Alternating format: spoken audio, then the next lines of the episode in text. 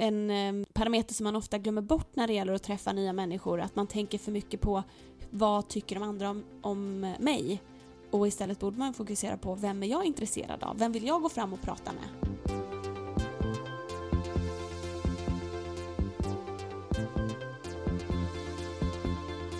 Du lyssnar på HSP-podden med Leveby och Klar. Hej och välkomna tillbaka till oss. Om lite mindre än två veckor beger vi oss ut på kryssning. Vad kul det ska bli! Ja men visst! Men vet du, jag är ändå glad att vi gör det här ihop. För jag tycker att det hade varit lite läskigt att åka ensam. Ja, men det hade varit modigt. Men jag är också glad för vi håller ju i det här och då är det ju bättre att vara två. Ja men såklart. För att det finns ju många uppgifter som vi behöver hålla i. Men också för att tillsammans är man mindre sårbar tycker jag. Alltså man har ju någon att luta sig lite mot och ha roligt ihop med förstås. Men det visar sig ju faktiskt att flera av våra resenärer åker ensamma på kryssningen. Och det kan ju såklart vara skönt. För jag tänker att sådana här saker kan man ju behöva ta in ensam. Och om mm. det kommer tankar och känslor, vilket det nästan garanterat kommer att göra på den här kryssningen, så kan det ju vara skönt att få gå inåt också och processa dem. Ja. Men vi hoppas ju förstås att nya vänskapsband ska bildas på den här kryssningen och att ni som åker utan sällskap hittar likasinnade att prata med. Eh, och eh, kanske byta kontaktuppgifter med. Det skulle kännas fint. Ja, men det är inte alltid så lätt det där, att bli kompis med folk. Alltså speciellt inte om man är lite av det introverta slaget. Och det är det som det här avsnittet ska handla om. Att skapa nya relationer, att våga ta det där första steget för att närma sig en annan människa. För självvald ensamhet är ju jätteskönt. Men ofrivillig ensamhet är ju definitivt inte det. Nej. Och i höst hålls faktiskt en föreläsning om just det i Skövde. Det är Föreningen för högkänsliga som anordnar den. Och det behövs. Nu har vi inga siffror på hur många högkänsliga som lider av ofrivillig ensamhet. Men det visar sig ändå att män är mer ensamma än kvinnor. Enligt SCBs eh, levnadsundersökning saknar var femte man en kompis, skriver Aftonbladet. Och att människor som bor i Stockholm, Göteborg och Malmö känner sig mer ensamma än övriga befolkningen. Och att personer som är inåtvända, emotionellt instabila, antagonistiska och impulsiva är mer ensamma, ensamma än utåtriktade, emotionellt stabila och samvetsgranna personer. Och så en liten överraskning här tycker jag, att äldre människor känner sig mindre ensamma än yngre trots att de umgås mindre med sina vänner. Och att medelinkomsttagare är mer ensamma än låg och höginkomsttagare. Samtidigt upplever sig arbetslösa som mer ensamma än personer som arbetar. Och så skriver Aftonbladet här också att flera studier visar att ofrivillig ensamhet och social isolering är en lika stor riskfaktor för att dö i förtid som rökning. Nästan 300 000 människor i Sverige lever sina liv mer eller mindre ensamma. Och över en miljon människor saknar en nära vän. Men alltså det är ju helt hemskt. Nu var det ju väldigt mycket fakta vi fick till oss här, men någonting som fastnade hos mig, det var ju det här med att personer som är inåtvända, emotionellt instabila och impulsiva då är mer ensamma mm. än de som är utåtriktade, emotionellt stabila. Men det nämndes också att de som är samvetsgranna personer eh, känner sig mindre ensamma. Ja. Så att här passar ju högkänsliga in både och de flesta högkänsliga är ju inåtvända mm. och de flesta är också samvetsgranna personer. Så ja. vi passar kanske på båda, båda skalorna här. Mm. Men också det här med att eh, man faktiskt känner sig lite mindre ensam ju äldre man blir.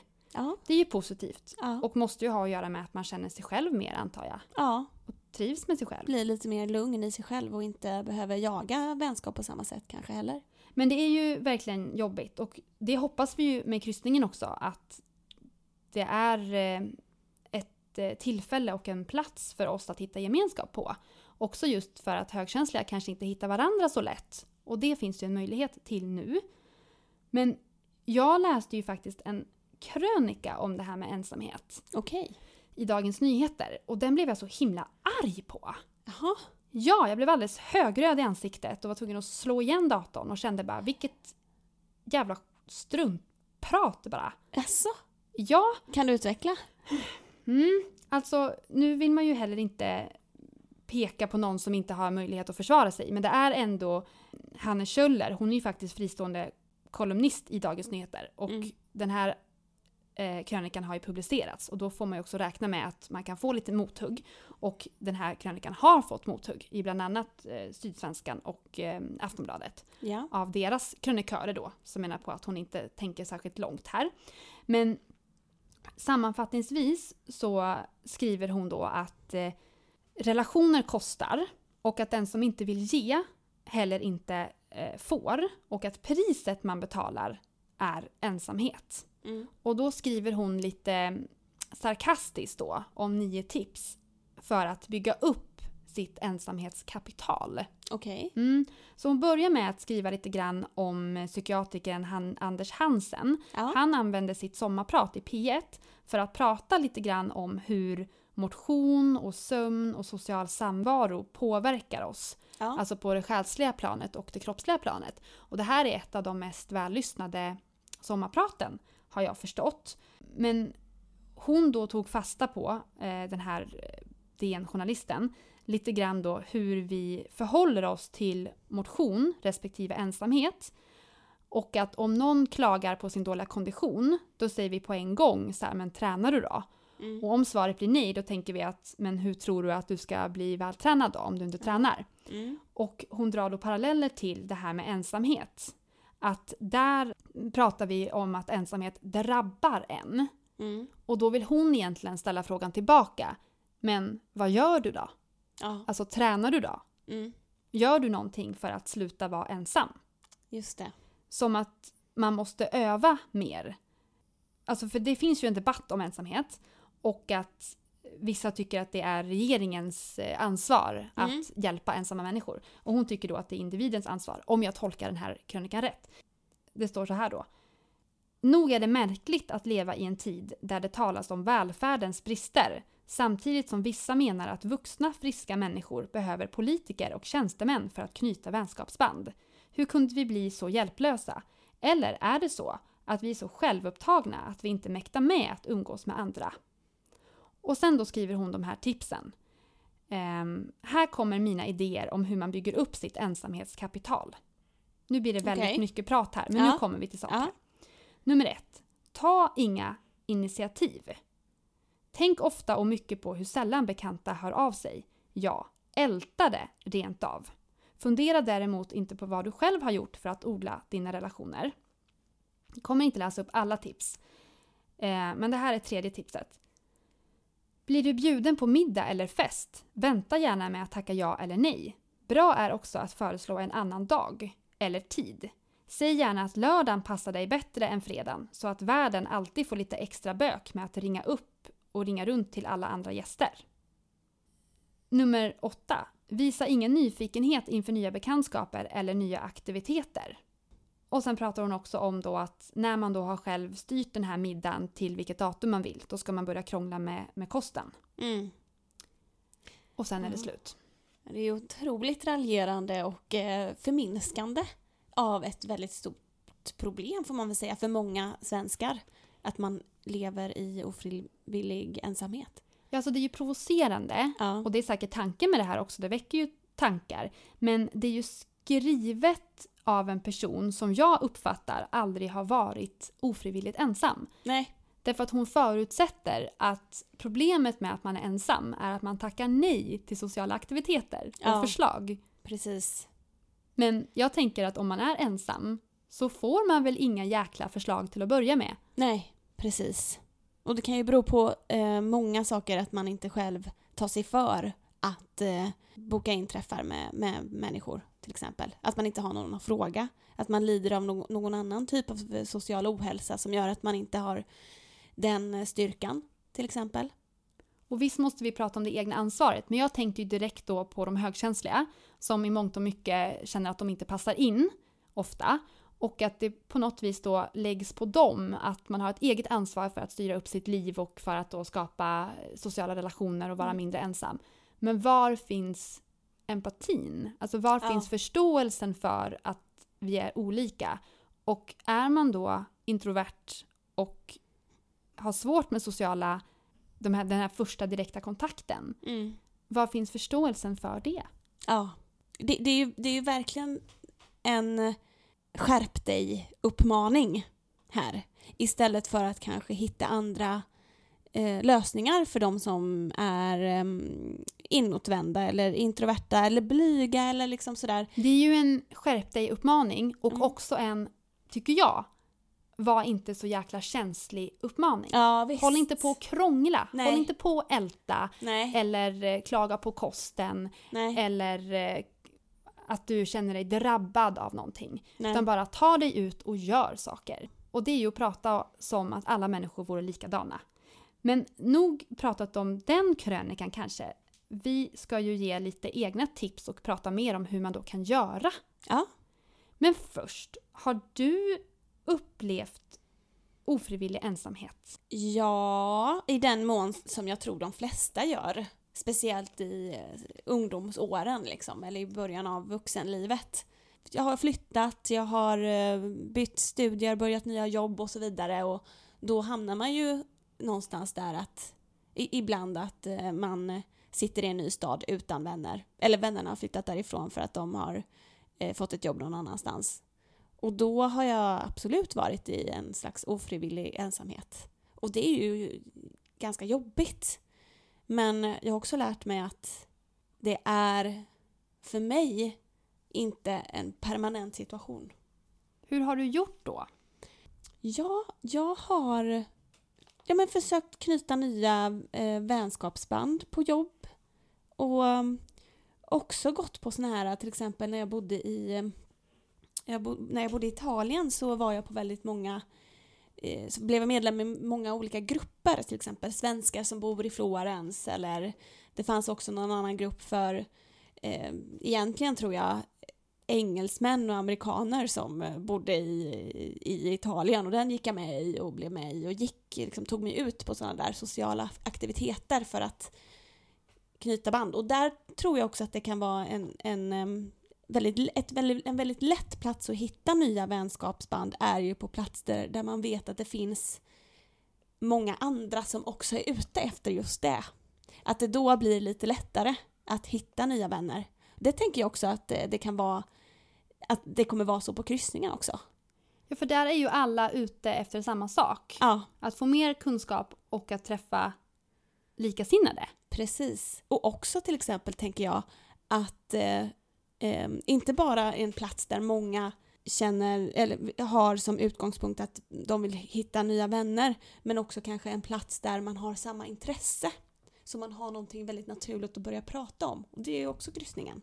Och också kunna börja med de djupa samtalen och kanske skippa det ytliga. Precis, då kommer man ju närmare in på direkt.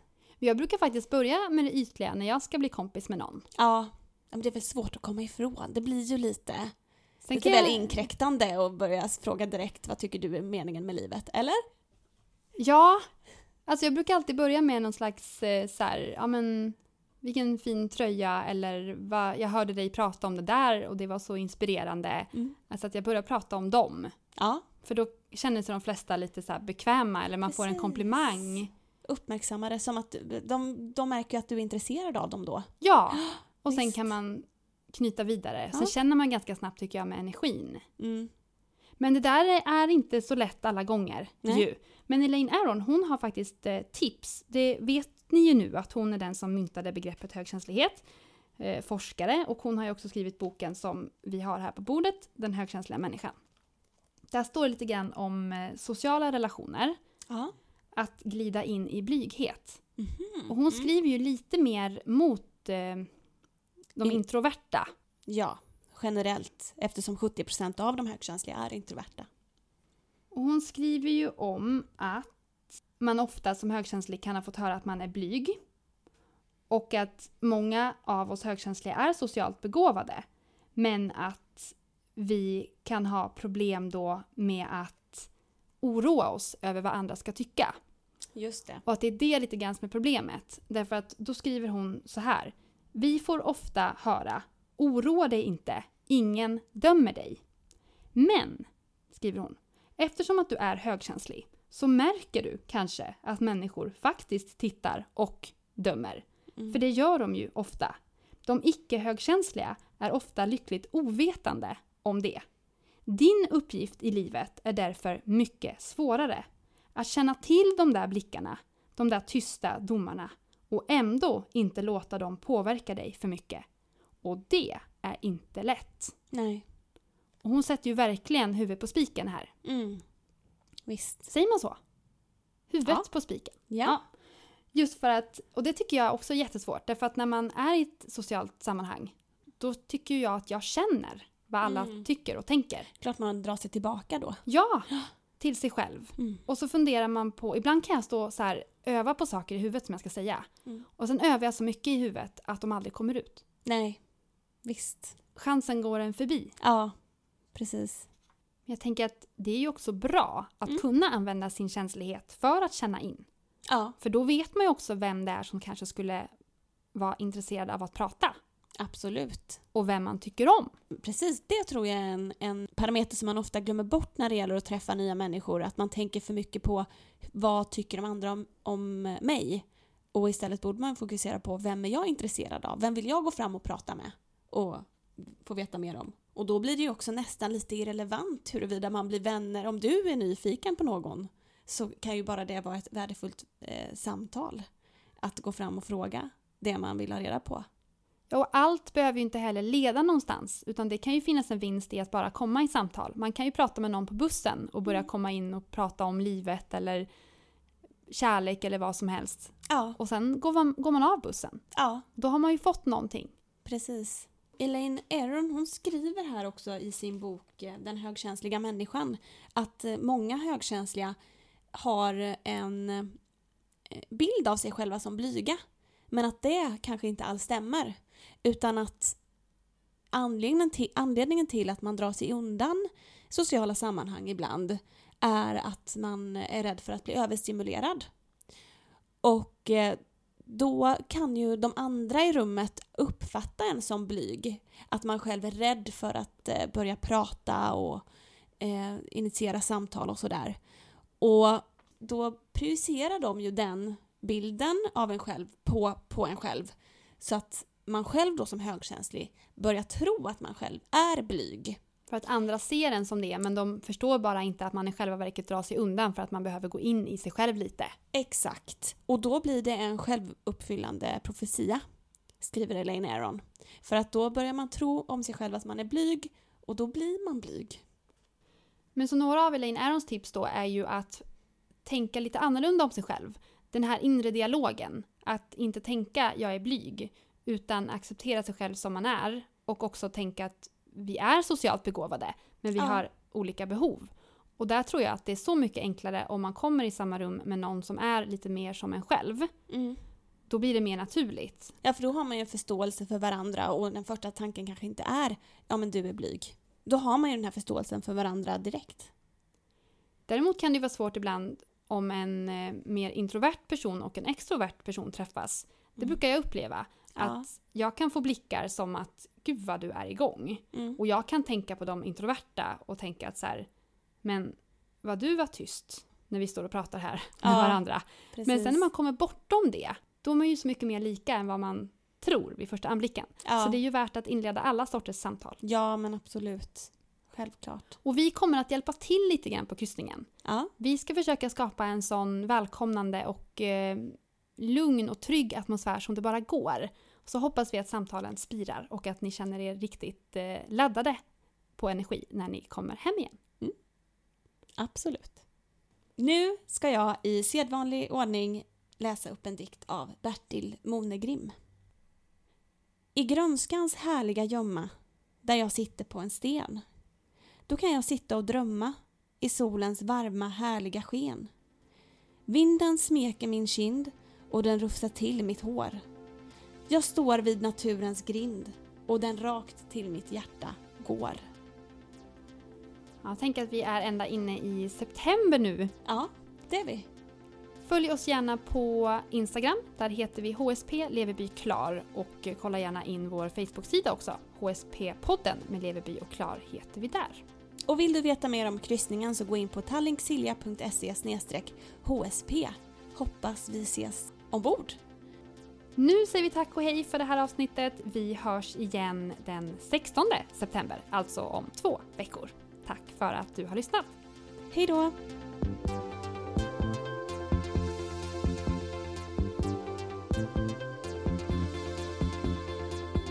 Du har lyssnat på HSP-podden med Leveby och Klar.